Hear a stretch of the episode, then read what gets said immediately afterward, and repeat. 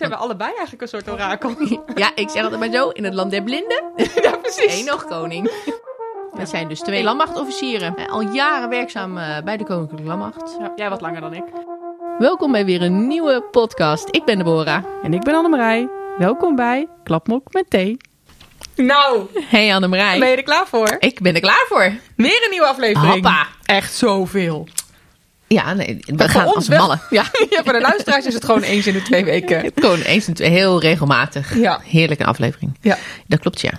Maar we hebben, we hebben nu inderdaad een periode gehad waarin we gewoon heel veel eh, gasten die we graag wilden, mee in gesprek wilden gaan.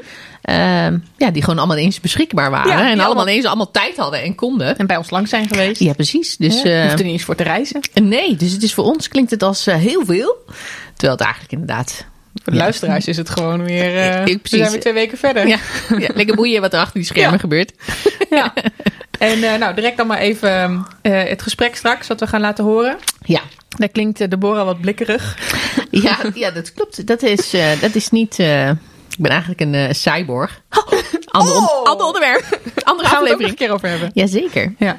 Maar je zat in quarantaine. Ja, ja, dat hebben we in deze periode. Hè. Gelukkig eh, hadden wij allemaal niets, maar we waren op visite geweest. Moet je het nooit doen. Nee, dat eh, wordt ook geadviseerd om dat zo minimaal mogelijk te doen. Maar ja, eh, als dan toch een keer een verjaardag is. Ben je Eh, toch naartoe gegaan? Ja, ja, ja, ja. ja. Maar ja, toen bleek toch iemand met quarantaine of iemand met corona te zijn daar. Ja. En dan ben je ineens nauw contact en dan zit je, zit je een week thuis. Met z'n allen. Met z'n allen, het nog? hele gezin. Ja, ja, ja, ja. Ja. we hebben het overleefd. Goed zo.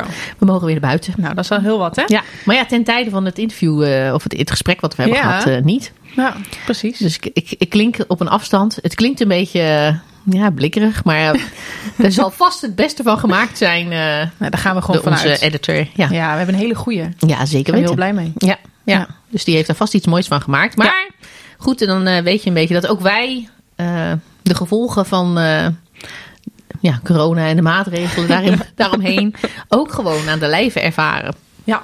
Ja. Ervaringsdeskundige. Eh, precies. Ja. Dus eh, ja, nee, dat. dat. Ja. Maar goed, dat, dit is natuurlijk wel een mooie, hè? want we zijn natuurlijk in gevecht eh, tegen, tegen corona Ja. met z'n allen. Ja. Maar deze aflevering, Annemarij, Ja. zijn we in gevecht met de media. Oeh. Ja, ja. Vind je het mooie? Ja, vind ik heel mooi. Ja, hè? Ja, en dat komt zo in je op. Dat is gewoon voorbereid. Oh ja. Oké. Maar ja, toen kwam het we wel gewoon. eh, ja, nee, maar toen kwam het wel gewoon in me op. Ja. Maar wat leuk. Ja. Nee, nee, helemaal niet leuk. Ja, dat is wel een hele mooie vooroordeel. Ja, want al dat negatieve nieuws, altijd maar negatief in de media als defensie. Ja. Het is, althans, dat is hoe we het vaak ervaren. Kikker. Al afleveringen lang de Ervaren. kikker in mijn keel. Ja, nee, maar dat is vaak inderdaad wel het beeld dat er is. Maar eh, dan is de vraag, ja, is dat ook echt zo? Ja, nou ja, ik vind het wel een hele mooie. Hè? Want we, we hebben natuurlijk eh, een aantal afleveringen geleden hebben jullie mee kunnen genieten van het gesprek wat we hebben gehad met de directeur eh, communicatie. En eh, die zei eigenlijk eh, bu- buiten de aflevering om. Eh, gaf hij al aan van ja, maar dat is natuurlijk ook het beeld wat wij, eh, wat wij zelf hebben. Ja. Het is natuurlijk jouw organisatie en jij kijkt naar je eigen organisatie en dan zie je alleen maar negatief. En de trek- positieve je trekt dingen je dus niet. ook sneller aan. Ja, want, Ja. want Als er een bericht komt over eh, een heel ander ministerie met iets wat daar minder goed loopt of iets wat mis is gegaan, Ja. daar heb je het gevoel niet bij. Nee, dat, dan zie je dat ook. Oh, we hebben dat niet voor elkaar. Maar Ja, uiteindelijk en hebben de je- emotie niet. Nee, en dan ga je niet denken, oh, dus de mensen die daar werken hebben het niet goed voor elkaar, maar dan kijk je er ook op een andere manier naar. Ja, Terwijl nee, wij het precies. heel erg op onszelf betrekken. Als er iets negatiefs over defensie in de media komt, dan heb ik heel snel het gevoel, oh, hebben we- wij zijn weer... eh, Ja. Oh, hebben we het weer niet voor elkaar? Hebben we weer, eh, worden we Ja. weer, eh, is er weer wat gevonden? ja. Ja. Ja. Oh, terecht of onterecht, hè? Dat is natuurlijk, laten we dan even, Mhm. even in het midden. Dat is natuurlijk gewoon de primaire reactie die je zelf hebt. Althans, die heb ik, maar jij dus blijkbaar ook. Ik ook. Ja, ik her- herken dat. Ja. Ja, en, maar, Maar dat is ook wel een dankzij, mooie. Ja, ook dankzij dat gesprek met de directeur communicatie Ja. Kregen wij toestemming, Mhm. zo waar, Ja, ja, ja, ja. om met een echte journalist te gaan praten. Juist. Dus die hebben we dan eh, naar binnen gehengeld, om Ja. maar zo te zeggen. En ook onze, ja, degene die we ook wilden eigenlijk. Ja, ja, ja, ja absoluut. absoluut. We, hebben, eh, we gaan het gewoon vertellen. Ja, doe maar. We hebben zo meteen een, eh, een gesprek met, met Olaf van Jolen. Van de Telegraaf. Juist. Vaste defensiecorrespondent. Ja, en ook bekend- van een aantal boeken over defensie die hij heeft geschreven. Ja, ja, zeker. Zijn laatste nieuwe hè, schaduwoorlog, Oeroeskan. Ja, heb je hem al? Ik heb hem nog niet, maar ik ben wel. eh, ik heb, ik heb, eh, hij doet, maakt natuurlijk ook podcasts, hè, maar goed, dat vertellen we. Dat, we ligt nog even over, Ja, ja. precies. Hoewel, ik wil daar zo nog wel even een opmerking over maken. Ja. Eh, maar hij heeft dus natuurlijk een podcast, Delta Tango, zoals, die dat, zoals zij dat noemen. Is toch Delta. Tango? Nou ja, precies. Dat was ook een beetje. Ik moest ook heel bewust bij de introductie even nadenken. Hij, ze noemen dat Delta Tango, maar ja, dat, dat is niet hoe wij het zeggen. Het is natuurlijk gewoon een Engels alfabet. Ja. Dus wij zeggen gewoon Delta Tango. Maar Hij dat- niet. Hij niet. Dus het was, dat was wel even een. eh, ik moest het even heel bewust zeggen, maar het was wel Ja. heel leuk om dat. eh, om, om dat eh, Je hebt ook geluisterd, hè? In voorbereiding op eh, het gesprek met hem. ja, zeker. Ja, Ja, ik ja, ook. ja, Ja. Kijk, het voordeel van eh, die podcast is dat ze maar 25 minuten duren. Dus in plaats van uh, tegenstelling tot die van ons, die Ja. gewoon. eh, Met er net iets sneller doorheen. ja, wij proberen het ook in 25 minuten. Ja. Maar wel altijd defensie-gerelateerde onderwerpen. Ik, vind- ik vind het een leuke podcast om naar te luisteren, moet ik zeggen. Ja, ja, ja. Ja. ja, ja, absoluut. Nou, Daar, daar, komt hij ook, eh, daar geeft hij dus ook het boek, hè, want daar ging het eigenlijk om. Oh ja, Schaduwoorlog Oerskan, daar legt hij ook het een en ander over uit. En eh, dan wordt hij eigenlijk geïnterviewd door iemand anders. Eh, want ik zeg hij, maar ze zijn eh, natuurlijk met z'n tweetjes. Mhm. Eh, die het boek eh, hebben geschreven. Ehm, maar eh, ja, dus worden zij een keer voor de verandering geïnterviewd over een boek. En dat, dat sprak me eigenlijk wel heel erg aan. Ja. dat, dus Mhm. mochten mensen dat willen, even naar de podcast luisteren. Voor Ja. een tipje van de sluier. En anders gewoon het boek kopen. Ja, Als je meer wil weten precies. over de schaduwoorlog in Oerskan. Ja, ja, en ik ben, baal nu wel een beetje van de gemiste kans. Want ik had gewoon ehm, eigenlijk veel eerder dat boek even moeten bestellen. ja. Voor ons allebei. Hadden we gewoon een handtekening kunnen scoren. Echt. Nou, wie weet. Wie weet met terugwerkende kracht valt er nog iets te regelen. Ja, misschien komen we nog een keer tegen of zo. Ja, Ja. ja, dagelijks. Dus dat moet goed komen. Ja. nou ja, Nee, heel leuk, heel Ja. leuk. oké. Eh, maar goed, eh, ik denk dat we gewoon maar eens eh, naar het gesprek moeten gaan. Ik ben namelijk wel benieuwd hoe de media kijkt naar de Defensie. Defensie. Nou, eh Annemarij, ik denk dat we weer een mooie gast eh, hebben, hebben weten binnen te slepen, wil ik bijna zeggen. Het heeft even wat energie gekost. Misschien daardoor wel de Eh, meest bijzondere tot nu toe. Ja, zeker wel, zeker wel. En het ligt niet aan onze gast, zeker niet. Maar we hebben vandaag de eer om in gesprek te gaan met Olaf van Jolen, de defensiecorrespondent van de Telegraaf. En tevens ook podcastmaker. Want ja, hij brengt natuurlijk samen met Sil van Schoonhoven, als ik het goed heb, de podcast eh, Delta Tango eh, uit. eh, over defensie en internationale veiligheid. Dus eh Olaf, van harte welkom. Ja, dankjewel. Ja, zo klinkt het als een eh, jack of all trades, zoals dat zeggen. Hè? Van alles en nog wat. Ja, precies. Maar wel allemaal gerelateerd aan Defensie. En voor ons natuurlijk ideaal om, eh, ja, om eens te bevragen eh, hoe dat nou zit in de media. En hoe kijkt de media nou naar Defensie? Dat zijn allemaal van die onderwerpen waar wij erg eh, in geïnteresseerd zijn. En eh, graag eh, ja, met jou over willen, willen sparren natuurlijk. Ja, prima. Ja, de eerste vraag die ik eigenlijk heb eh, hè, in het kader van, eh, van, van hè, nu de media aan tafel zit. Hoe kijkt, hoe kijk jij eh, naar Defensie? Naar een organisatie als Defensie? Vanuit het optiek. Zijn we interessant?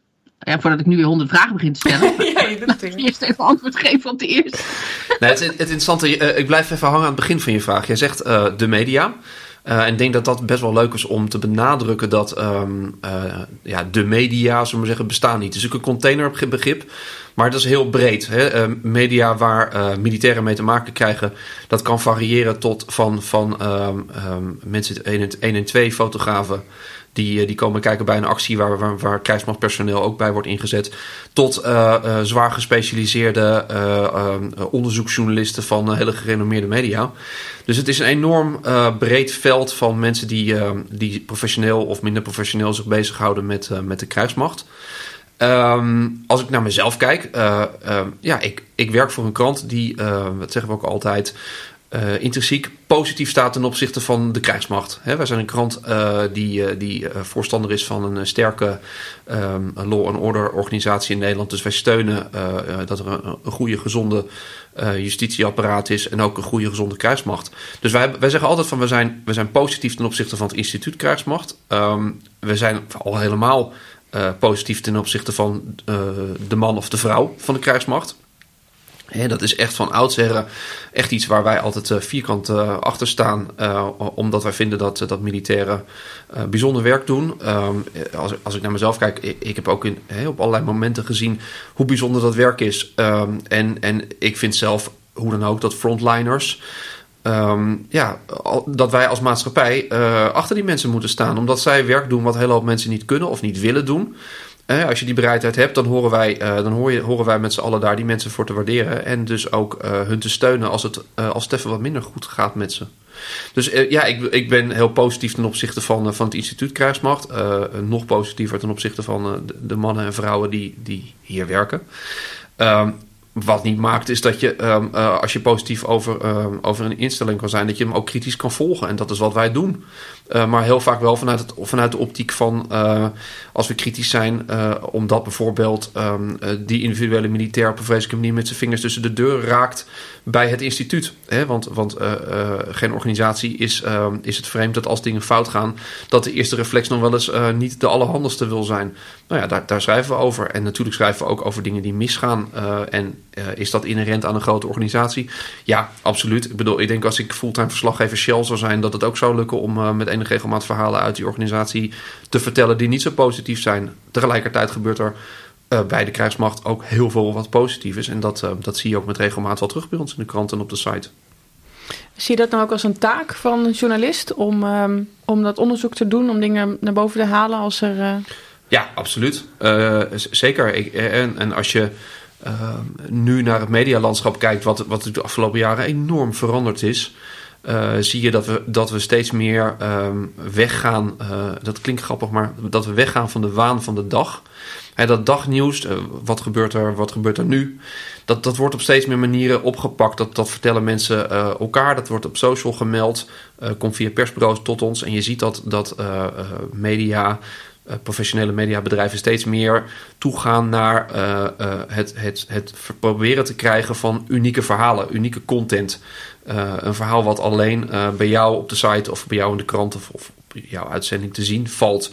En dat, dat inherent daarvan is dat je daarvoor dus meer onderzoek moet gaan doen en meer moet gaan spitten. En, en ook je accenten gaat leggen van oké, dit zijn dossiers die wij relevant vinden. En hier willen we in investeren en hier willen we tijd in steken. -hmm. En natuurlijk is dat ook, ook een, een, een taak die je gewoon hebt uh, vanuit, je, vanuit je beroepsmoraal. Uh, als jij hoort dat dingen niet goed gaan, ja, dan ga je proberen uit te vissen wat er aan de hand is en hoe dat zit. Ja. En, en hoe is het om met een organisatie uh, als, als Defensie, kan ik praten over samen moet werken als Defensiecorrespondent? Of hoe, hoe ervaar je dat eigenlijk? Ja, uh, interessant is als ik zeg van dat je niet uh, de media hebt, heb je eigenlijk ook niet defensie. ook, ook al lijkt dat zo. Er is een, er is een ministerie van Defensie, dat klopt. maar, maar onder dat ministerie hangen natuurlijk allemaal krijgsmachtsdelen en hangen onderdelen. En je merkt dat uh, als ik een grove slag moet aanbrengen, dat ik uh, met name de, uh, het, het, het contact hebben, het werken met um, de krijgsmachtdelen, eigenlijk altijd als heel prettig ervaar. En dat heeft heel veel te maken met, um, denk ik, de, de, de, de cultuur die al die militairen wel delen. En dat is, ik zeg het altijd maar, ik noem het altijd maar, dat is um, als, je, als je gewoon met elkaar een afspraak maakt van oké, dit is wat ik wil, kan dat wel, kan dat niet. Nou, als, als je daar met elkaar van zegt, nou prima, dat kan. Ja, dan, en je houdt je onderling aan, de, aan wat je hebt afgesproken, uh, dan, dan gaat dat prima. Hè, ik heb ook, uh, dat heb je nog geen eens genoemd, maar uh, met Sylvan uh, over samen drie boeken inmiddels geschreven. in die boeken um, praten wij met militairen. Dat zijn hele intensieve gesprekken altijd. En dat zijn ook dingen die mensen ons vertellen. Um, ja, die gewoon heel heftig zijn soms. die, die ze ook in hun eigen taal vertellen. En, en dat is niet. dat is af en toe echt van dik hout zaag met planken. Uh, mensen mogen die verhalen uh, teruglezen. Die, dus zeggen, de, weergaves van die gesprekken die wij, uh, die wij verwerken in het boek. En eigenlijk in al, die, in al die jaren dat we dat nu gedaan hebben, alle drie de keren dat we dat gedaan hebben, is er niemand geweest, echt helemaal niemand, die heeft gezegd: Ja, ja ik zeg dat wel zo, maar kan dat wat afgeveild worden of kan dat bijgepunt worden? Nee, weet je wel. Sterker nog, er zijn wel eens momenten geweest dat iemand heeft gezegd: Ja, je omschrijft het nu wel een beetje plastisch, maar vertel het nou maar gewoon zoals het is. Dat ik, uh, dit en dit heb ik gedaan. En zo, uh, zo concreet was het.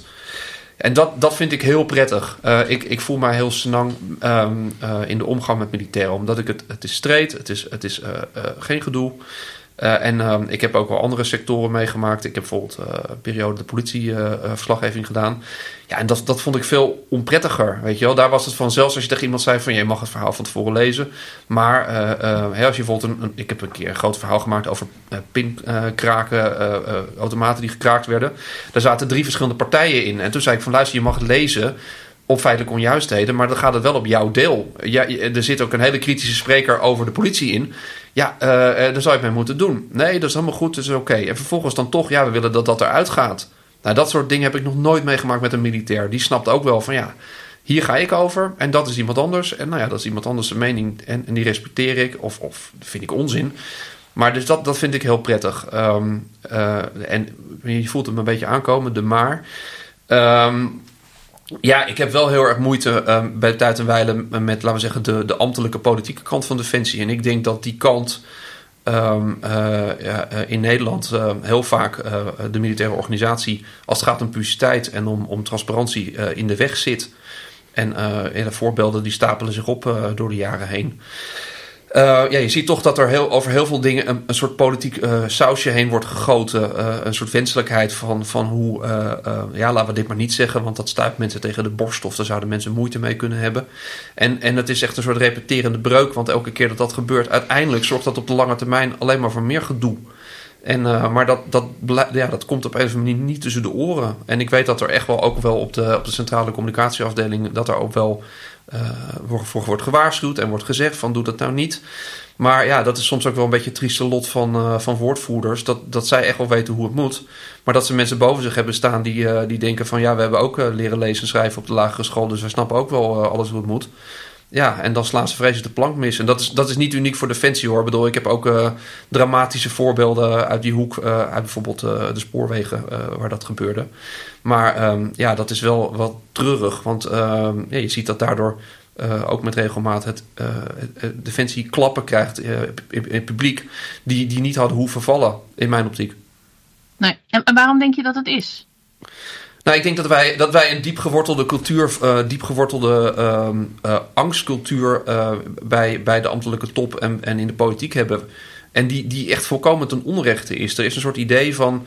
Wij moeten onze burgers vooral maar niet vertellen dat als we um, F-16's ergens heen sturen, dat die vooral bedoeld zijn om vijandelijke doelen te, te bombarderen. En waar dus mensen bij doodgaan. En dat, ik vind dat echt, uh, ja, dat vond ik echt shocking. In ons vorige boek Missie F-16 um, vertelden we het verhaal van een vlieger die de Vaste Kamercommissie op bezoek kreeg. En uh, dat, um, dat hij dus zei tegen een van die politici, helaas wilde hij niet zeggen wie het was. Uh, ik heb wel vermoedens, maar die ga ik niet uiten. iemand ter linkerzijde, maar die, die zei tegen hem... toen, toen hij vertelde van nou, we hebben gisteren een grote actie gehad en daar hadden we waarschijnlijk 40, 50 confirmed kills. dat, die, dat echt dat Kamerlid verrast zei oh, maar dus jullie maken mensen dood. En ik vond dat, ik vond dat zo chockerend dat ik dacht van oké, jij bent dus lid van de vaste Kamercommissie. Jij hebt een, een bovengemiddelde informatiepositie. Jij, jij bepaalt mede um, hoe Nederlandse krijgsmachtsdelen worden ingezet. Jij bent daarvoor verantwoordelijk. Dan is het al shocking dat jij niet beseft wat je eigenlijk wegstuurt. Want dan denk ik, ja, eh, het is niet een militaire kapel die je op pad gestuurd hebt. Het, het is een van de zwaarste, zwaarste machtsmiddelen, uh, militaire wapens die Nederland heeft. Um, en als je niet beseft dat, dat die dingen niet uh, laag komen overscheren met de vleugeltjes wapperen, maar dat die daar gewoon zijn om heel effectief doelen uit te schakelen. Nou, dat, dat, dat, dat is heel erg. En, en, maar daar zit dus een soort collectief idee van laten we dat maar niet tegen mensen zeggen. Laten we daar maar niet te veel de nadruk op leggen. Laten we dat maar niet te veel vertellen. En dat komt keer op keer op keer komt dat terug. En elke keer bijt dat, uh, ja, bijt dat ook, denk ik, uh, de organisatie in de staart. Want weet je, um, zeg het maar eerlijk. Als je, als je bijvoorbeeld het voorbeeld van de luchtaanvallen neemt. Die, die zijn gewoon op te zoeken in, in, in, in, in, de, in de VS, in een database. Als je je daar aanmeldt, kan je het gewoon precies zien wat er gebeurd is. Weet je, um, uh, de belangrijkste les uit communicatie, uh, in crisiscommunicatie, maar ook gewoon strategische communicatie, is tell it like it is. Uh, praat er niet omheen. zeg gewoon wat er aan de hand is. Omdat dan zullen burgers veel minder het idee hebben van we worden bedonderd. Of, of er is ergens een, een lijk de kast of, of een doofpot. Um, en ik denk dat die er heel vaak in de praktijk helemaal niet echt is. Maar alleen al door niet het hele verhaal in, in eerste instantie te vertellen, maak je jezelf ontzettend lastig. Want word je heel vatbaar voor voor, voor mensen die er van alles omheen gaan verzinnen en spinnen, waardoor het probleem uiteindelijk veel groter lijkt dan het was. Is dit al langer zo of is dit um, heel erg van nu? Um, nou ja, het is, het is wel langer zo. Uh, maar ik heb wel een periode meegemaakt ook dat, van, dat ik vond dat, dat er meer openheid was en dat er minder krampachtigheid was. Uh, dan moet ik wel zeggen dat ik, uh, dat was namelijk dan de Oersgan-tijd toen er een heel embedded programma was, wat, wat ik heel positief vond. Mm-hmm. Omdat je echt met eigen ogen kon zien hoe het, hoe het ging. Met iedereen en alles kon praten daar ter plekke. Uh, maar het interessante is natuurlijk dat ik nu wel weer hoor, nadat we nu uh, alle research hebben gedaan voor, uh, voor, voor schaduwoorlog Oeruzgan. Ja, nu pas, pas tien jaar later hoor je hoe toen op de achterwacht allerlei dingen gingen en hoe dingen speelden. En hoe bijvoorbeeld de woordvoerder van de, van de TFU-staf van allerlei dingen kreeg te horen van nou, dat moesten we toch maar niet doen. Of nou, dat moest je maar niet bekendmaken. Of weet je, dus dat er ook allerlei dingen speelden. Hm. En, en kijk, ik snap heel goed dat dat communicatie uh, uh, is, is ook een, een, een bepaald spel en dat is een bepaald krachtenveld en dat begrijp ik.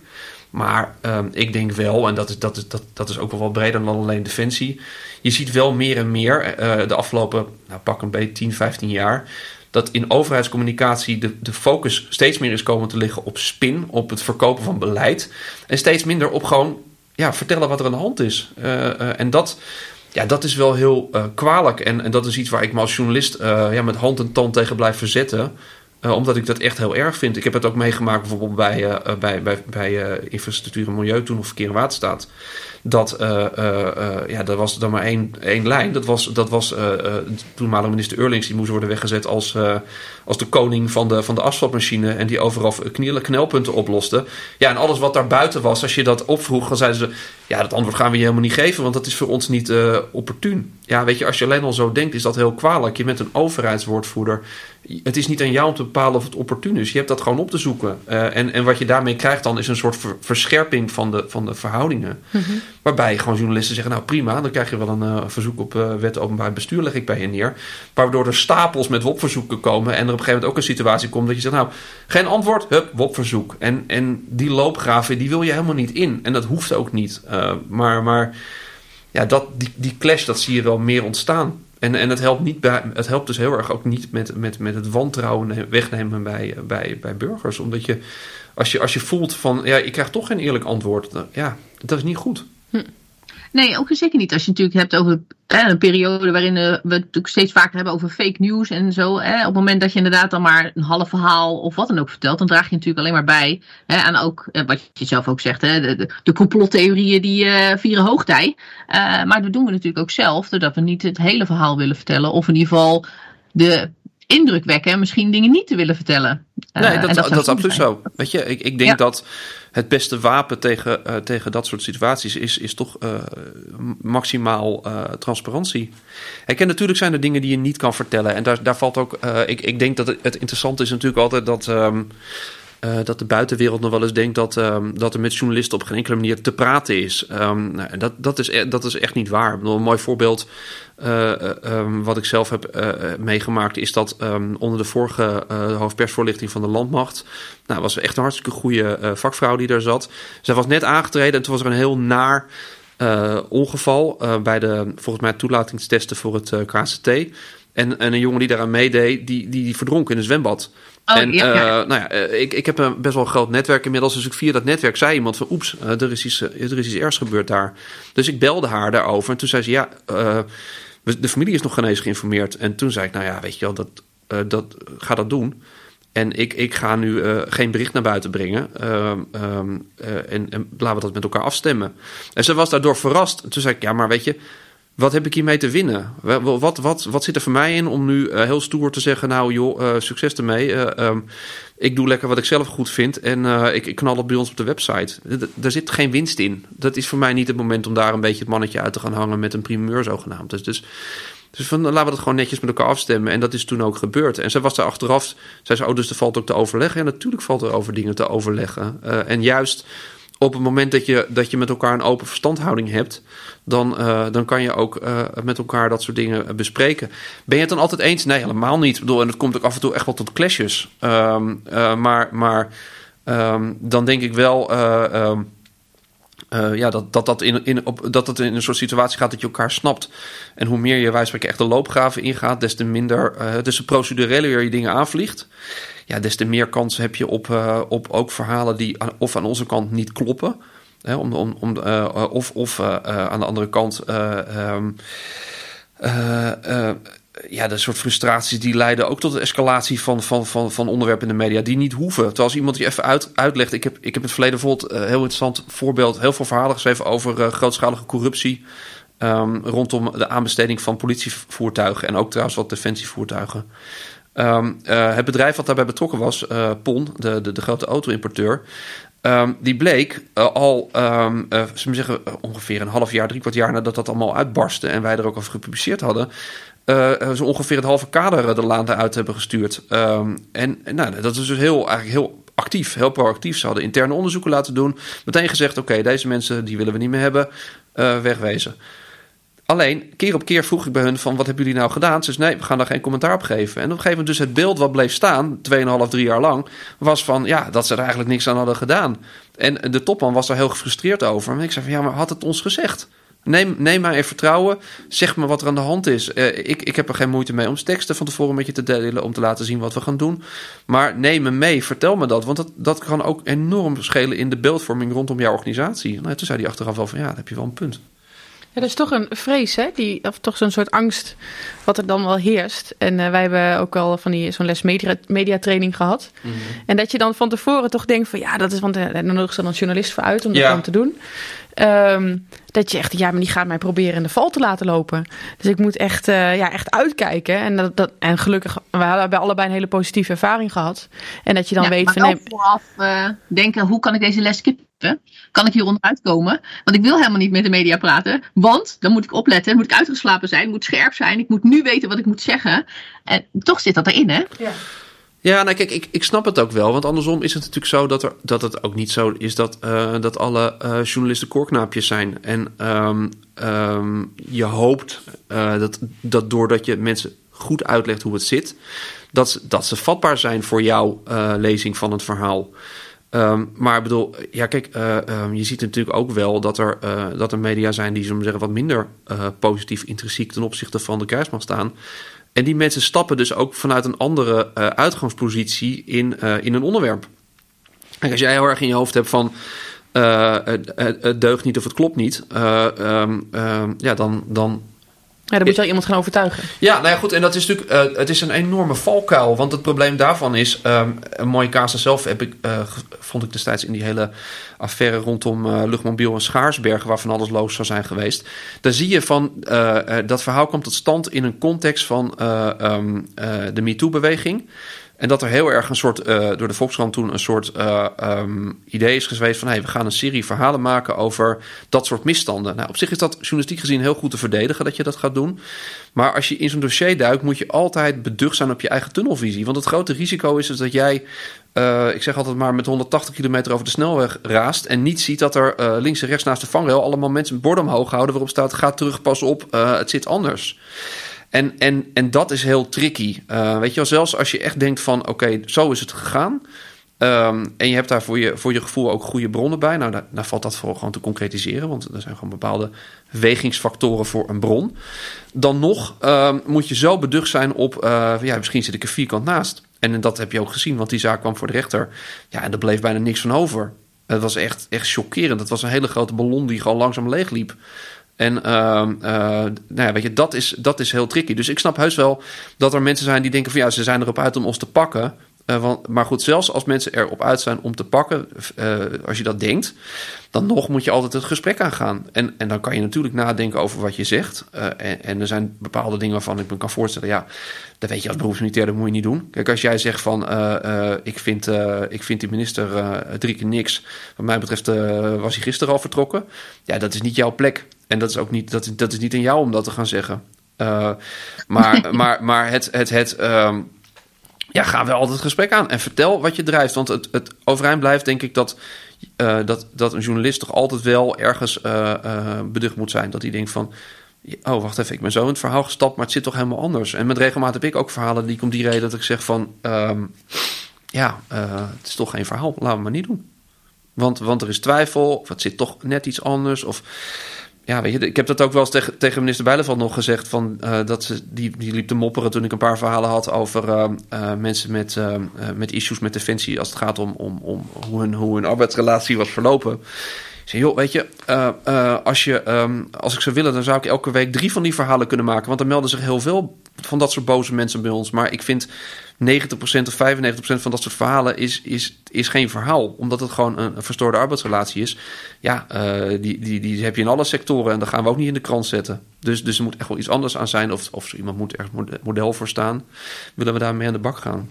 Ja, toch zien we natuurlijk de militair wel iets meer in het nieuws voorbij komen. In ieder geval hebben wij de indruk dan, dan iemand die uh, nou, bij de supermarkt om de hoek werkt. Ja. Want zodra een militair ergens uh, bijvoorbeeld een ongeluk heeft op weg naar zijn werk, dan staat er niet een man van 27 rijdt ergens tegenaan, maar dan staat er een militair. Ja, ik, misschien is het ongeluk niet het beste voorbeeld, maar volgens mij de ergernis zit ook heel vaak dat er wordt gezegd ja, uh, uh, er is een clubje gaan stappen uh, en die heeft een, een, café, ja, een café, ja. café kort en klein geslagen en, en nog wat, wat lokale bewoners een tik gegeven. En daar schrijven ze over en dan melden ze dat ze militairen zijn. En, en, en wij spreken met iemand die bij, bij, een, bij een reclamebureau werkt, doet het niet. Ja, daarvan zeg ik altijd van realiseer je heel goed het principe van noblesse oblige. Ja. uh, feit is, militairen zitten in de business van geweldstoepassing. We hebben militairen een hele zware rol gegeven in deze samenleving. Dat is dat ze het monopolie op geweld voor ons beheren. Ja, als jij dan dat doet, ja, dan is dat, wordt dat anders gewogen en ervaren dan wanneer, dan wanneer ik uit mijn pannetje ga en, en, en iemand op zijn neus sla. En, en ook, ook dat, weet je wel, ook, ook ik heb op een bepaalde manier een ander publiek profiel. En net zo goed als dat wij ik noem maar wat, als de lokale deken van een, van een, orde, van een advocatenorde in, in een bepaald arrondissement hele rare dingen doet, dat we dat ook opschrijven. Want het, dan is iemand toch, staat hij anders in de maatschappij en mag je meer van zo iemand verwachten dan van de gemiddelde burger. Ja. ja, maar het gevolg is dus in de praktijk dat iemand um, strafrechtelijk een groter probleem heeft. Hè, omdat ze inderdaad weten dat iemand, we mogen van hem verwachten dat hij weet hoe hij met geweld omgaat in dit voorbeeld. Ja. Hebben we nu even een mini-juridisch blokje? Ja, ja, zeker. Nee, dus, precies. Nee, ik begrijp de kans gewoon even. Ik zie hem, ik voel hem, ik, grijp hem. Um, en uh, dat het bestuursrechtelijk, nou, hij wordt, uh, de kans is groot dat hij ontslagen wordt of een minimaal een negatief ambtsbericht krijgt. Maar hij komt dus inderdaad ook nog eventjes uh, um, nou, voluit in de krant. waar dat bij zijn buurjongen niet is, bijvoorbeeld. Dus nee. het, de, maar ik, ik, ik, snap het punt, absoluut. Maar het is wel, het is inderdaad, het, het heeft op verschillende vlakken, doet het iets dat jij militair ambtenaar bent. Ja, nee, maar dat is, dat is, dat is zeker zo. ja. Absoluut. Ik verbaas me trouwens in dat kader enorm de laatste tijd ook wel aan hoe, um, hoe heel veel militairen gewoon met naam en toenaam uh, op LinkedIn bijvoorbeeld uh, meningen poneren over het beleid en over de minister en over, uh, over, over, de, over de staf. Ik, ik mag echt eerlijk zeggen dat als ik sommige dingen over mijn hoofdredacteur had geschreven, dat ik al lang aan de andere kant van het hek gestaan had. Is echt heel, ik vind dat heel apart. want dat, dat ik denk van joh nou, misschien is wel Defensie heeft er geen tijd voor om al die dingen na te lopen. Maar uh, het, ik, ik, pleit niet voor een uh, verbod op Twitter of op LinkedIn. Maar af en toe zie ik wel dingen voorbij komen en denk, nou, dat, dat zou ik toch niet direct 1, 2, 3 over mijn, uh, over mijn baas zeggen. En ik snap ook wel dat er, hè, dat er bepaalde frustraties zijn. En die, die begrijp ik ook eigenlijk, die snap ik echt wel. Um, maar ik vind dat wel, wel saillant, zullen we zeggen. Ja, oké. Nou, ik vind, ik vind, dat vind ik wel interessant. Uh, hè, want dan hebben we het natuurlijk inderdaad over de, over de social media's. Mm -hmm. uh, want we hebben natuurlijk wel uh, hè, de, de richtlijnen. Annemarij weet altijd feilloos hoe dat ding heet. van voor naar achter met het nummer erbij. Oh ja, de aanwijzing externe contacten rijksambtenaren. Ja, die. die. Ben je daar mee bekend, Olof? En, en beperkt het jou? Nou ja, ja ik ben die aanwijzing zeker bekend. We hebben ook in het, uh, in het verleden kans geboden aan, um, aan wat mensen om daar bijvoorbeeld op onze opiniepagina ook uh, hun licht over te doen schijnen. En ik, ik weet de gevoeligheid daarvan en ook wel de ergernissen die er onder mensen over, over heersen. Um, ja, de praktijk die ik zie, um, komt een beetje terug bij waar we het eerder over hadden. Die, die splitsing tussen krijgsmachtdelen en, en de ambtelijke lijn, de, de civiele ambtelijke lijn in Den Haag. Um, ik, ik, merk niet in de praktijk heel erg dat, uh, dat als ik bijvoorbeeld uh, iets wil vragen aan een F-16-vlieger... of als ik iets wil weten over, uh, over um, het optreden van de Korps Mariniers met amfibische landingen... dat dat het heel erg tegenhoudt. want dan, dan, dan doen we, het klinkt zo raar, maar doen we zaken gewoon met woordvoerders van de kruismachtdelen. En, en daar kan eigenlijk heel veel, is helemaal niet zo'n issue... Um, waar, het, waar het vooral begint te knellen is wanneer um, er uh, een link wordt gelegd naar uh, actuele uh, politieke gevoelige zaken. Of zaken die verondersteld gevoelig zouden kunnen zijn. Hè, een voorbeeld, ik had er al over, Schaduwoorlog Oeruzgan zou eigenlijk eerst een Chora-boek worden. Dat was het idee, om, om, een, om een eenheid die mee had gedaan aan de slag om Chora, om die te portretteren. Vanaf het helemaal begin van hun aanwijzing tot, uh, tot met, met opwerken daar en hoe het nu met die mensen is. Nou, dan, dan zie je dat, zag je dat heel mooi uitgesplitst hoe die gevoeligheid is. Want vanuit Kruismacht was er al gewoon een akkoord van, nou, willen we gaan doen, zien we zitten. Inclusief het begrip van, nou, het zal, geen boek worden met alleen maar enthousiaste dingen, maar bedoel, de, de goede dingen en de slechte dingen. Uh, ja, en dan grijpt uiteindelijk die, uh, laten we zeggen, civiele kant in. De juristen die zeggen van ja, er loopt een rechtszaak en mensen kunnen zich compromitteren en er kunnen problemen uit voortkomen en van alles nog wat. En ja, we adviseren negatief om mensen mee te werken. Wat natuurlijk in feite gewoon een verkapte spreekverbod is. Ik bedoel, iets anders kan je het niet noemen. Um, ja, dat, dat, ik, ik, heb, ik heb daar moeite mee, omdat uh, omdat ik heel vaak denk dat er, dat er echt um, koudwatervrees in zit. Want, want heel veel van die dingen die dan verondersteld worden, denk ik, ja, bijvoorbeeld in, in Chora voorbeeld, al die betrokkenen zijn zo terug te vinden. ook voor een, voor een advocaat die die zaak runt. Wil je maar op Wikipedia te kijken en alle namen van, van de bewuste commandanten staan erop. Google je nog wat beter, dan kom je allemaal interviews tegen van toen met die mensen die precies vertellen hoe of wat met naam en toenaam. Dus, dus ja, weet je, er gaan, wat van bloed gaat er uitvloeien juridisch? Want het is al bekend. Die dingen kunnen zo ingebracht worden bij een rechtszaak. Dus dat, dat, dat, ik, ik geloof zelf veel meer in het principe van, uh, laten we zeggen, de aanval is de beste verdediging. En ook publicitair gezien, het is als jij in staat kan zijn, uh, of in staat wordt gebracht om zelf, laten we zeggen, uh, het eerste beeld neer te zetten, is dat zo ontzettend waardevol. Want het grote probleem is altijd, is als jij alleen maar in de reagerende sfeer dingen kan doen, ja, die eerste klap is echt gewoon een daalder waard. En dat beeld staat. En dat is dan ook heel erg verdrietig vaak voor mensen die bijvoorbeeld een, een mediavuurstorm over zich heen krijgen, die, die niet um, in staat zijn om dat op een later moment recht te zetten. Terwijl wel uh, uh, ja, het, het anders uh, is, is gebleken. Het beroemde voorbeeld van, ik noem maar wat, een beroemde, een bekende Nederlander die van zijn bed af wordt gesleurd omdat hij zijn vrouw zou hebben aangereden. Ja, dat is groot nieuws, staat groot op de voorpagina. Als die vent vervolgens drie weken later wordt ontslagen van rechtsvervolging omdat allemaal een beetje anders blijkt te liggen. Ja, dan is het een berichtje ergens op pagina 6 links onderin. En, en ik snap die frustratie heel erg. Uh, maar het is wel het mechanisme zoals ook uh, het grote publiek uh, denkt. Dus, dus daar kan je beter proberen te denken dat je een strategie hebt die daar beter op aansluit. En het is ook eigenlijk heel grappig, hè? want het interessante is ook als je kijkt naar, uh, naar. Ik heb altijd begrepen dat op de KMA daar ook altijd wordt ge, geleerd van. Zorg dat je het initiatief hebt en dat je niet, uh, dat je niet in, de, in de defensief wordt gedrongen. Dus het grappige, het zit heel diep uh, in, in, in militaire doctrines. Maar, maar als het dan om, om publiciteit gaat, dan, dan zijn die soms tellen die niet meer of zo. Dat vind ik wel heel saillant ook. Ja, ik denk dat er ook heel erg wordt ingevuld van wat, wat vindt men ervan. En, en wat gaat de reactie in de Kamer worden? En wat wordt de ophef? Uh, dus laten we hè, dan maar uh, heel voorzichtig zijn. Hè, dat gevoel dat. Uh, dat ja, maar ophef, ophef is, is zo vluchtig. Weet je, dat is, er is één dag roepen, roepen twintig mensen op Twitter iets boos. Ja, het zal wel, weet je wel. En dat is, dat is echt als. als dat is ophef als een heliumballon. Als je hem loslaat, dan waait hij weg en dan zie je hem nooit meer. Dus het is een soort uh, terwijl, terwijl ze zeggen, een langduriger beeld, een, een groter beeld over iets, mhm. dat, dat kan wel beklijven. Dus ik, ja, en in de Kamer, weet je, ook daar is natuurlijk, uh, uh, opportunisme is geen Kamerlid vreemd. Als die, als die vragen over iets indient, nou ja, weet je wel, negen van de tien keer er wordt antwoord op gegeven, niemand die er nog druk op maakt. Dus ik, ik, ik, ik denk dat je veel meer moet kijken naar, naar het grotere beeld, naar het grotere mhm. plaatje waar je het over hebt, van hoe sta je erop. En het, het interessante is dat je hele goede voorbeelden hebt van hoe het ook kan met name uh, als je bijvoorbeeld kijkt naar de Oeruzgan-periode, dat vond ik heel fascinerend. Toen, toen werd er heel positief over militairen gedacht. Ook, ook de metingen die ertoe gedaan werden door Defensie. Gewoon echt een heel positief beeld van we staan achter ze. We vinden, vinden dat die mensen uh, goed werk doen. Uh, terwijl tegelijkertijd een hoop mensen wel zeiden: ja, ik sta niet echt achter die missie. Ik bedoel, daar, daar heb ik mijn twijfels over. Maar dus dat, je ziet dat dat echt wel, dat, je dat, dat, je dat, dat mensen daar heel, wel, heel, heel erg over, over te overtuigen zijn. Hm. Ja, ik vind het wel mooi om te zien, uh, hè, als, je dan, als je dan opinies uh, en alles meekrijgt, dan vind ik altijd wel dat uh, de steun voor de militair zelf, hè, voor de mens zelf, degene die daar in het voortrein staat, die is, al, die is er altijd wel. En, die, en de mensen zijn of heel positief of die vinden het allemaal prima.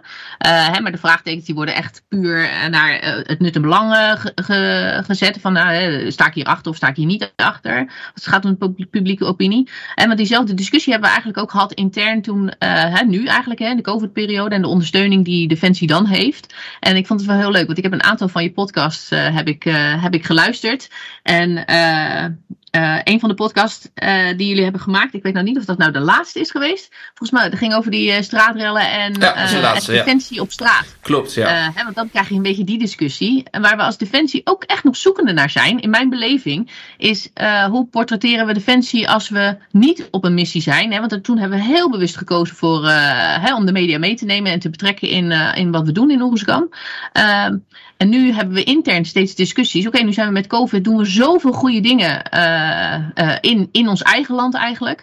Uh, en soms is dat zichtbaar en soms niet. Moeten we dat beter uitventen of, of niet? Maar dan iedere keer stuiten we op de discussie.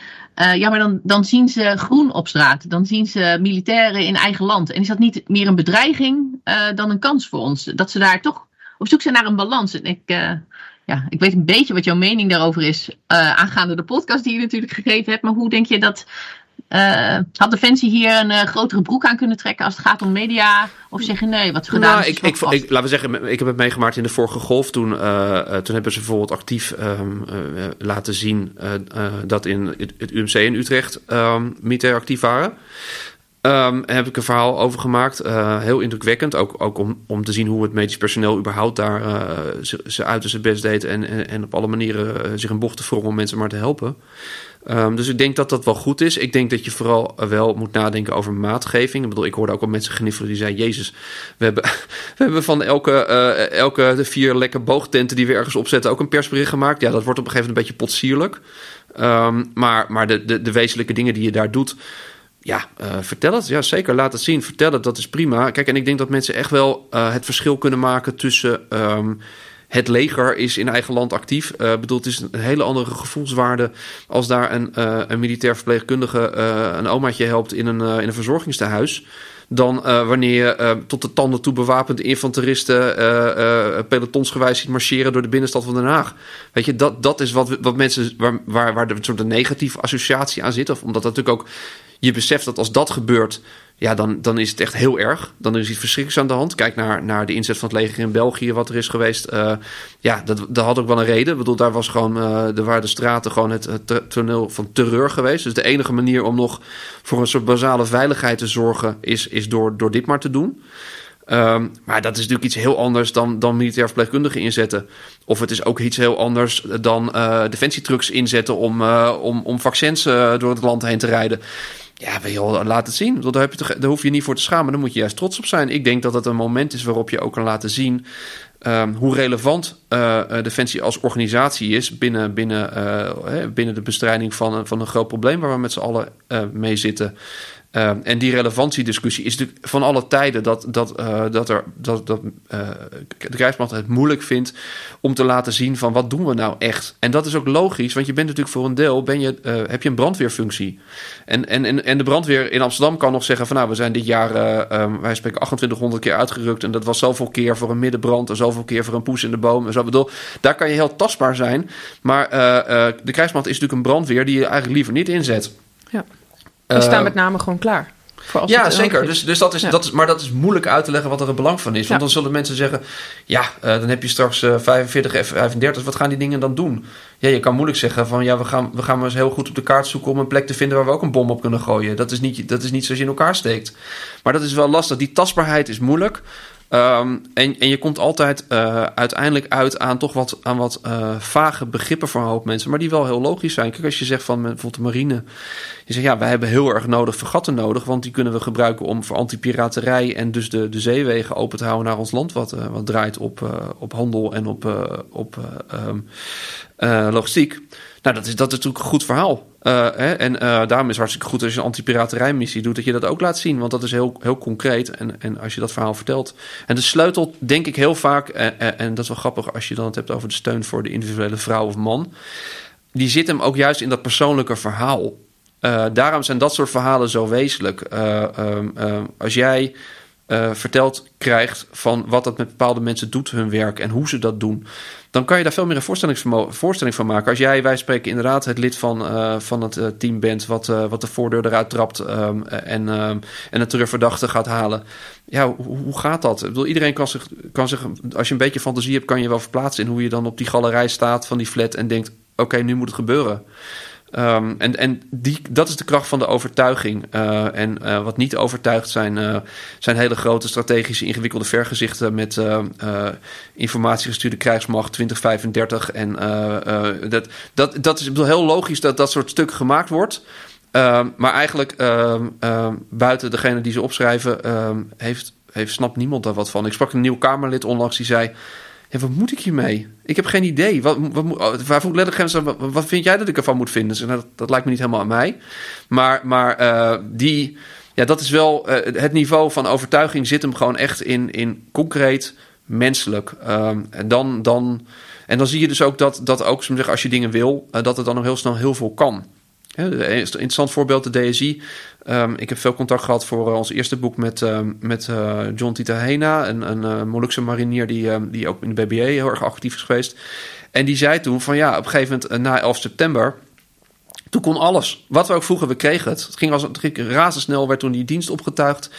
auto's, wapens, spullen, niemand die nog twijfelde. Ja, waarom? Omdat iedereen dacht, oh oh, die hadden ook scherpschutters op, de, op het dak van de Benelux zien liggen. En beseften ook van, en, en die die concreetheid, en die kan je natuurlijk lang niet altijd geven, maar dat is wel heel belangrijk om, om mensen te overtuigen van nut en noodzaak. Ja, ik vind het wel heel grappig in, in dit kader ook. Um, dat we, heb ik het naar, mijn idee, heel lang het gevoel gehad intern van ja, we moeten. Ehm, ook als we naar buiten toe komen en we willen ook uh, voor elkaar krijgen dat er meer budget naar defensie gaat, dan moeten we dat met name stoppen in grote projecten. Dus dan moeten we we kunnen ons alleen verkopen als we het hebben over een nieuw vergat en F-35. En uh, dus als landmacht moeten we ook iets waarmee we dan iets, iets ja, wat dat dan een beetje smolt en wat er een beetje uitziet. Maar dat gaat nu veel meer toe naar, en wat eigenlijk al heel lang de noodzaak was, we moeten ook geld stoppen in personeel. Ja. En in, ook in infra en de niet sexy onderwerpen. En, en ik heb nu wel het idee dat dat vooral als we het hebben over personeel, is nu natuurlijk hot item met onze arbeidsvoorwaarden. Um, dat dat wel iets is wat wel gezien wordt en wat ook door onze de, de commandanten van de krijgsmachtdelen ook wel veel meer geuit wordt.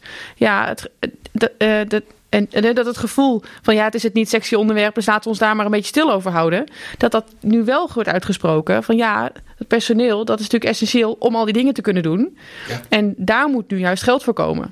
Ja, het is anders. Ik bedoel, laten we zo zeggen, het is niet heel. Het is geen rocket science om te beseffen dat als je, uh, als je die investeringen niet doet, dat je straks uh, uh, allemaal marineschepen aan de kade hebt liggen, glanzend nieuw met alles erop en eraan, maar, maar niemand, niemand, niemand om ermee te varen. Dan word je, een, een, dan word je spullen zonder een leger. Spullen zonder een leger. Ja. Dat, dat, is, dat is evident. En, ik, maar ik denk dat, dat, um, dat je het verhaal vooral moet vertellen aan de hand van nou ja, relevantie. Uh, wat doen we precies? Waarom is dat belangrijk? Ja. He, als je in Litouwen gaat kijken uh, uh, en je spreekt met mensen daar die lokaal vertellen van daarom is dit belangrijk dat zij daar zijn. Nou, dan, dan, dan krijg je beeld erbij, dan krijg je gevoel erbij. Dus, dus dat is heel belangrijk om elke keer die slag te maken van, ja. van waarom zijn we er eigenlijk en wat voegen we toe? Um, en um, soms is dat lastig. Hè? Wel, uh, wij, wij vragen al jaren om mee te gaan met, uh, met de DSI. Uh, dat, dat lukt elke keer niet, mag niet. Ja, dat is wel intens jammer. Want dat is wel, bedoel, eh, ik, ik ben ervan overtuigd dat die mensen heel goed werk doen.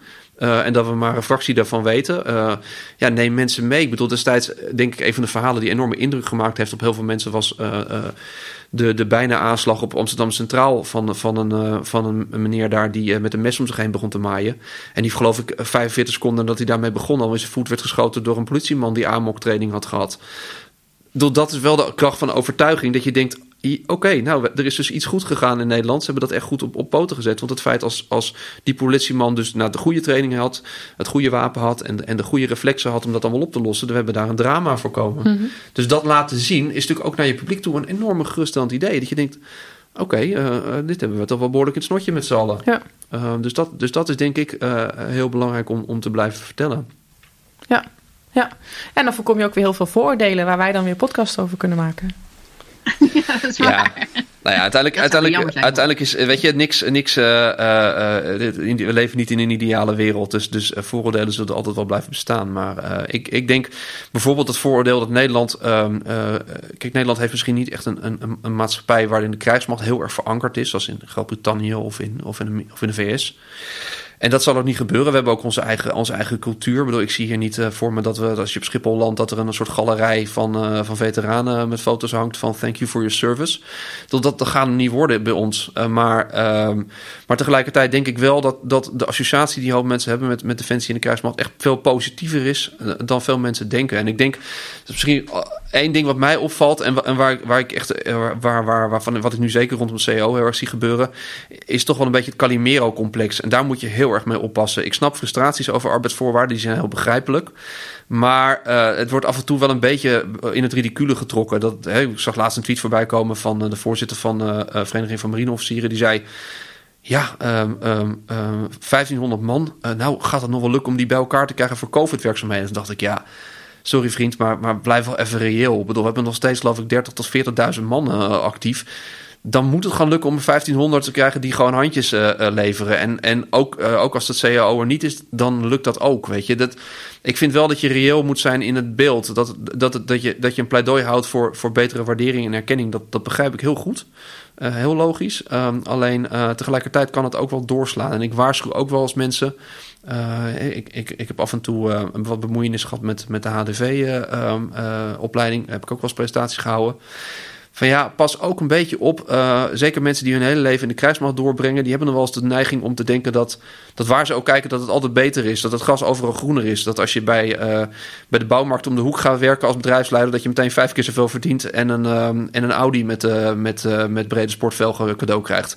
Ja, de realiteit is dat ook buiten, buiten, dat buiten de krijgsmacht, dat er gewoon heel veel dingen ook niet zo tof zijn en ook niet zo fijn. En dat dat ze zeggen, het werken binnen krijgsmacht. Uh, en, dat, en voor de journalistiek kan je het net zo goed zeggen. Als je rijk wil worden, moet je het niet gaan doen. Uh, maar het geeft wel ook een, een, een, vervulling die je op weinig andere plekken zal gaan krijgen. En, en ja, mensen moeten ook wel echt koesteren uh, waar, waar, je, waar je voor gekozen hebt. En, en wat voor een mooie, mooie, mooie organisatie dat is. En met alle bijzondere culturen die erbij horen, die ook um, die heel veel geven. Dus dat is ik, ik snap dat je daarvan geen brood kan eten. En de bakker die. Uh, die, maar, maar het is wel iets waarvan ik denk: neem het mee in ook hoe je naar buiten toe presenteert.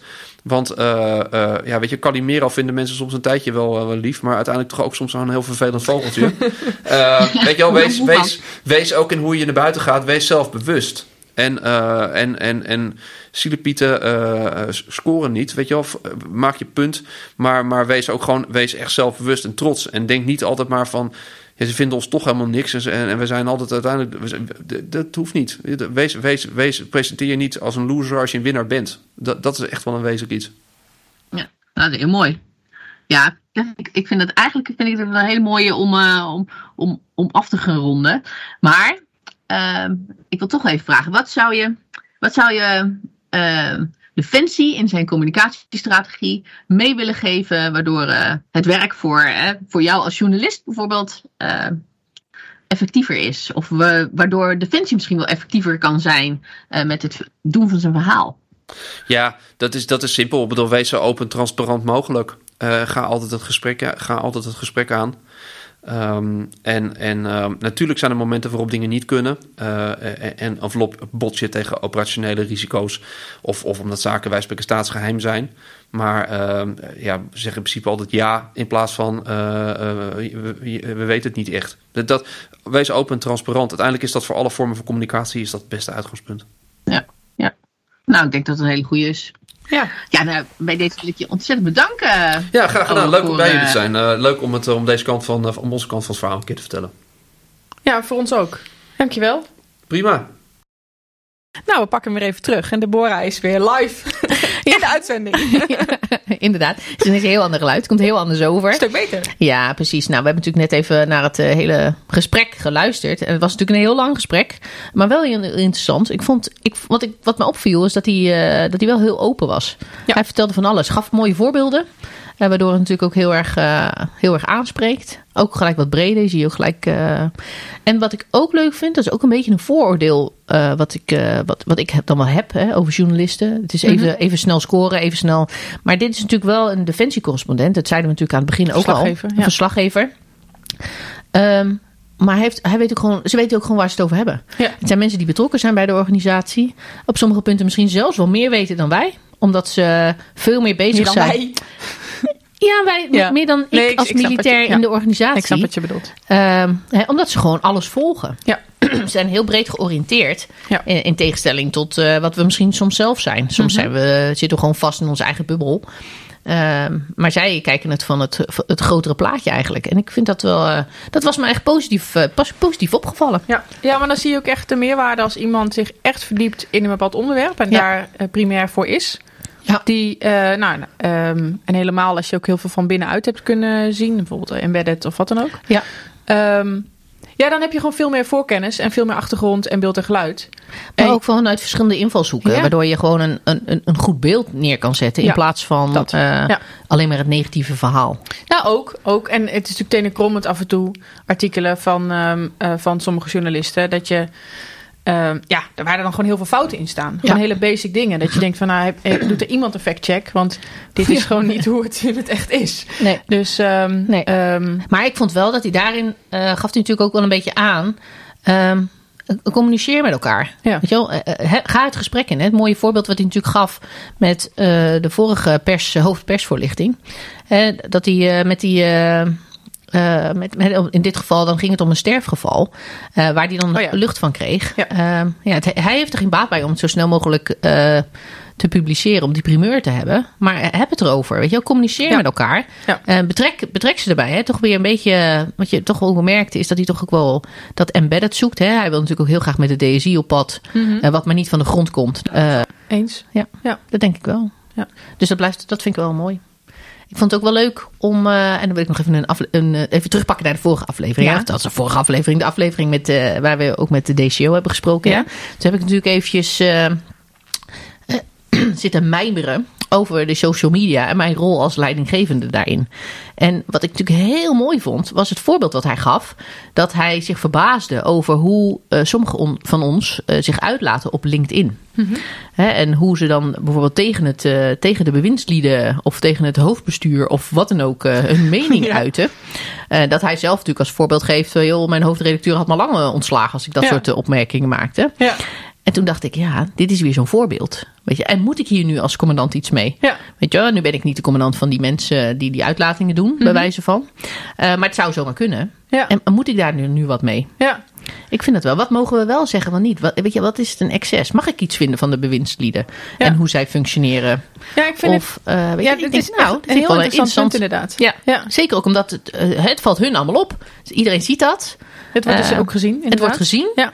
Ehm, Ja, maar mogen wij onze minister afvallen ja, op precies. LinkedIn? Ja, Ja. omdat we vinden dat ze een bepaalde keuze maken of eh, dat eh, eh, waar we het niet mee eens zijn. Ja. Mag ik dan vinden dat ik het niet mee eens ben? Of moet ik dan ook gelijk persoonlijk worden? Mhm. Ja, ik vind het wel heel interessant hierin. We hebben natuurlijk ook eh, een aantal afleveringen geleden met de directeur DAO gesproken. Ja. En die, ehm, en die legt ook uit, hè, we zijn natuurlijk een, eh, een uitvoeringsministerie. Ja. En die maakte de vergelijking met een, eh, een school. Hè, dus dat de, Ja. de minister, die heeft rechtstreeks alle scholen in Nederland onder zich. En die moet tot en met de, de ruzie tussen twee leerlingen, daar is de minister bij betrokken. Ja. Ehm, dus in Defensie, bij Defensie is in de praktijk hè, een soortgelijk geval. Maar dat betekent dus andersom ook dat als jij als, eh, als, als ambtenaar, hè, als, als, eh, ehm, of als leerling of als meester, zeg maar, Ja. als jij dan ehm, eh, voel jij ook rechtstreeks bepaalde besluiten van zo'n minister. Ja. En ik denk dat er, waar wij onlangs, ik denk dat hij daar ook aan refereerde, bijvoorbeeld opmerkingen over het plan om zo'n eh, diversiteitscursus eh, erin te gooien. Ja, ja precies. Nou, daar voelen mensen wat bij. Ja. Hè, zeker in een tijd waarin, je, eh, waarin er allerlei nou, dingen spelen. En dingen die heel belangrijk zijn. En, ehm, eh, en waar geef je dan ook die ene zak geld aan uit. En Ja. er, zitten allemaal, er zitten heel veel aspecten aan. Dus mensen hebben daar heel veel gevoel bij. Ja. En die horen dus de minister iets zeggen wat ze direct gaat raken. Ja. Wat ook misschien andere dingen gaat verdringen. Eh, waar ze dan bang voor zijn. Mhm. En die gaan dat inderdaad, ja, gaan uit, uiten ze dat. Ja. En, ja, ja, nou ja, exact. Het, Ja. Is, het, is, het is natuurlijk precies hetzelfde. Kijk, eh, de minister is, is verantwoordelijk voor de enkele militair. eh, en is daardoor heel erg betrokken. En Ja. soms vinden we dat micromanagement. Dat je zegt van joh, de lange schroevendraaier gaat er weer in.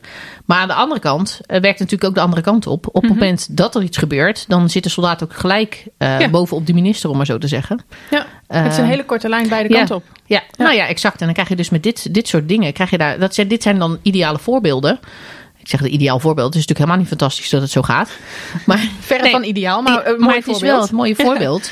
Dat je ziet dat, dat op het moment dat er dan beleid gemaakt wordt, of er wordt iets geroepen, dan zijn we het er niet mee eens. En dan is de uitlaatklep is mijn eigen LinkedIn-pagina. Heb je al LinkedIn? Op het moment dat we dit aan het opnemen zijn, eh, nee, heb ik het nog niet. heb ik niet. Maar, een zijstapje. Ja. Nee, er zijn eh, afspraken. Ja, ik heb het gezien inderdaad. Afspraken in de week om daar eens mee aan de slag te gaan. Ja, dat e-mailadres van ons, dat werpt gewoon zijn vruchten af. Want Absoluut. iemand bood zich aan om een LinkedIn-profiel te maken voor Deborah. Ja, zeker. Maar we, we komen nog wel even terug bij die iemand. Zeker weten. Oeh, cliffhanger voor later. Oké, weer terug, weer terug naar Ja, het we gaan onderwerp. even terug naar het onderwerp. Ja. Ja, dus maar goed, het blijft het dus hoe, eh, hoe hot het topic eigenlijk is. Social media, de rol van de commandant. En eh, mag je alles zeggen en niet ja, mediabewustzijn. ja, mediabewustzijn. Ja, toch die cursus dan maar ingooien dan. ja, toch maar even een cursus volgen. Wat goed plan. nee, nee, nee, precies. Ehm, nee, ja, en wat, wat, mij, eh, wat mij ook heel erg opviel... was, was de, de duidelijke scheiding die hij heeft tussen de, de ambtelijke top... Hè, hij noemde het af en toe de civiele ambtelijke top...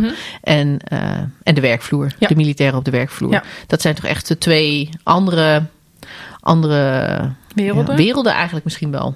Ja. Ehm, en en ik, het mooie is dat dat ook eh, de directeur DCO heeft het daar natuurlijk ook over gehad. Hè? Dat het natuurlijk echt wel gaat om eh, hè, dat mensen tegen, tegen het beleid kunnen zijn, maar wel het werk van een militair heel positief zien. Hè? Ja. Het voorbeeld van Oeruzgan. Het Ja. werk van de militairen in Oeruzgan is, van, is, is goed, moeten we doen. Maar de reden waarom we daar in Oeruzgan zitten, wat meer het beleid is, daar kan men dan eh, wel Hebben iets van vinden maatschappelijk. maatschappij. En, ja, dat Ja, is- precies. Ja, Precies, ja. hoe zit dat? Ja. Ik vind ook wel dat hij daar ook een heel duidelijk een onderscheid in maakt. Ja, in- Wel heel erg interessant. Ja, vond ik ook. Ja, hè? Ja. ja. Maar goed, terugkomend op eh, het vooroordeel in gevecht met de media. Ja. Nou, zo voelt het misschien wel. Maar ik denk Soms ook, wel. Ja, maar ik denk ook de boodschap die hij heeft eh, en ook ons mee wil geven, is communiceer met elkaar. Eh, bespreek wat je wil. Hè, maak gebruik van elkaar eh, om Mhm. ik het ben er een stuk positiever naar gaan kijken. Ja, nou zeker wel. Zeker wel. Ik, ik denk ook dat we gewoon meer moeten doen en meer moeten durven. En, eh, en zeker als je in gesprek gaat met, met mensen van de media. Media was natuurlijk het containerbegrip. Mhm. We gebruiken het toch zo. Laten we het allemaal over één kam scheren. Precies. de de media. De Ja. media. Nee, maar ik denk dat op het moment dat je weet wat voor papheimers je hebt. eh, hè, wat, wat, ik, wat ik net zelf zei. Dat ik zelf ook enorm eh, verrast word door het feit dat hoeveel kennis hij heeft van de organisatie Mhm. en over de organisatie. Ja. Dat eh, hij mij het vertrouwen geeft. Dat ik zeg van nou, we kunnen gewoon in gesprek gaan over, over onderwerpen die we naar buiten willen brengen. Of waar we over willen communiceren of Mhm. wat dan ook. En ja, eh, zoals hij zelf ook al aangeeft, niet alle journalisten zijn koorknaapjes. Zullen er ook best wel eh, andere journalisten bij zitten Mhm. die dat niet hebben. Of die daar toch een ander belang bij hebben. Maar als je met elkaar in gesprek bent, dan weet je dat van elkaar. Ja. Dan weet je wie je wel, eh, wie je wel waarvoor eh, kan gebruiken of niet. Of die je mee wil nemen in je organisatie. Oh, dat is ook niet. waar, natuurlijk. Ja, ja. Ja. en zeker ook om die relevantie van je organisatie aan te kunnen tonen, heb je dat nodig. Ja. Nou ja, we hebben het zelf ook wel eh, gemerkt in het interview of in het gesprek met hem. Dat het, het was natuurlijk best wel spannend. Hè? Je gaat dan toch met een journalist praten. Daar worden Ja. we allemaal toch een beetje bang voor gemaakt. En het viel eigenlijk wel mee. Het viel hartstikke Het mee. viel best wel mee. Het lijkt net een mens. Ik ja, nou, hij had van alles te vertellen. Dus eh, zoals jullie allemaal hebben kunnen horen Ja, precies. Ja. Maar nee, dat was alleen maar heel erg leuk. Ja, ja dus, eh, maar dat is dus ook... En ook als je het over die tweedeling waar we het over hebben gehad hebt. Dus als wij ehm, ook gewoon ons verhaal kunnen doen... dan denk ik dat het ook goed is dat, er, dat, dat daar gewoon ook wel de vrijheid of de openheid... of dat, dat, dat de organisatie daar ook achter staat. Ja. Ik denk dat dat is ja, helemaal denk in ik dit verhaal. En communiceer met elkaar. En geef dan ook eh, die medewerker die ergens een heel goed beeld en geluid bij kan geven... geef die ook de kans om zijn verhaal te doen. Ja, ik denk dat dat onze boodschap is eh, Ja. in, in- intern in onze organisatie. Ja, nou, dan hebben we hem weer mooi afgerond, denk ik. Ja, zeker, zeker. Absoluut. Dus we zijn het niet eens met in gevecht met de media. Soms voelt het zo, maar als je erover praat, dan valt het allemaal wel mee. Mhm. En we moeten het misschien soms wat minder op onszelf betrekken. Ook. Ja. Van een afstandje naar kunnen kijken. Precies. Nou, dankjewel weer. Hé, jeetje. Nou, was leuk. Weer een lange aflevering, maar wel heel erg leuk. Ja, we Leuk hopen dat jullie doen. allemaal nog aan het luisteren zijn. blijven hangen. Zijn jullie nog blijven hangen? Ja. En dan is... eh, Ho, stop! Ho! Moet nog iets bij. Jazeker. Ja, we hebben al helemaal afgerond, maar uh... We zijn helemaal niet klaar. Nee? Nee, Annemarie. We hebben een uh, mooie... we hebben een leuk les gegeven. Althans. Bij, ja. Uh, bij de HDV. Bij de HDV, ja. En, en daar hebben we de, nou, de uitdaging weggezet. Challenge. De challenge. Podcast challenge. Hoppakee, onder de, onder de studenten. Met uh, de vraag, hoe zou Defensie de communicatie kunnen verbeteren? Ja. Hoe zouden we moeten communiceren? Juist. En uh, dat willen jullie nog wel even meegeven, deze ideeën. Ja. In communicatie voor defensiemedewerkers gaat het vooral om weten wat je communiceert en zorgen dat je ook verstand hebt van wat je communiceert. Je merkt nog te vaak op uh, LinkedIn uh, of, of, andere social media dat militairen uh, dingen roepen met een hoog klok klepelgehalte.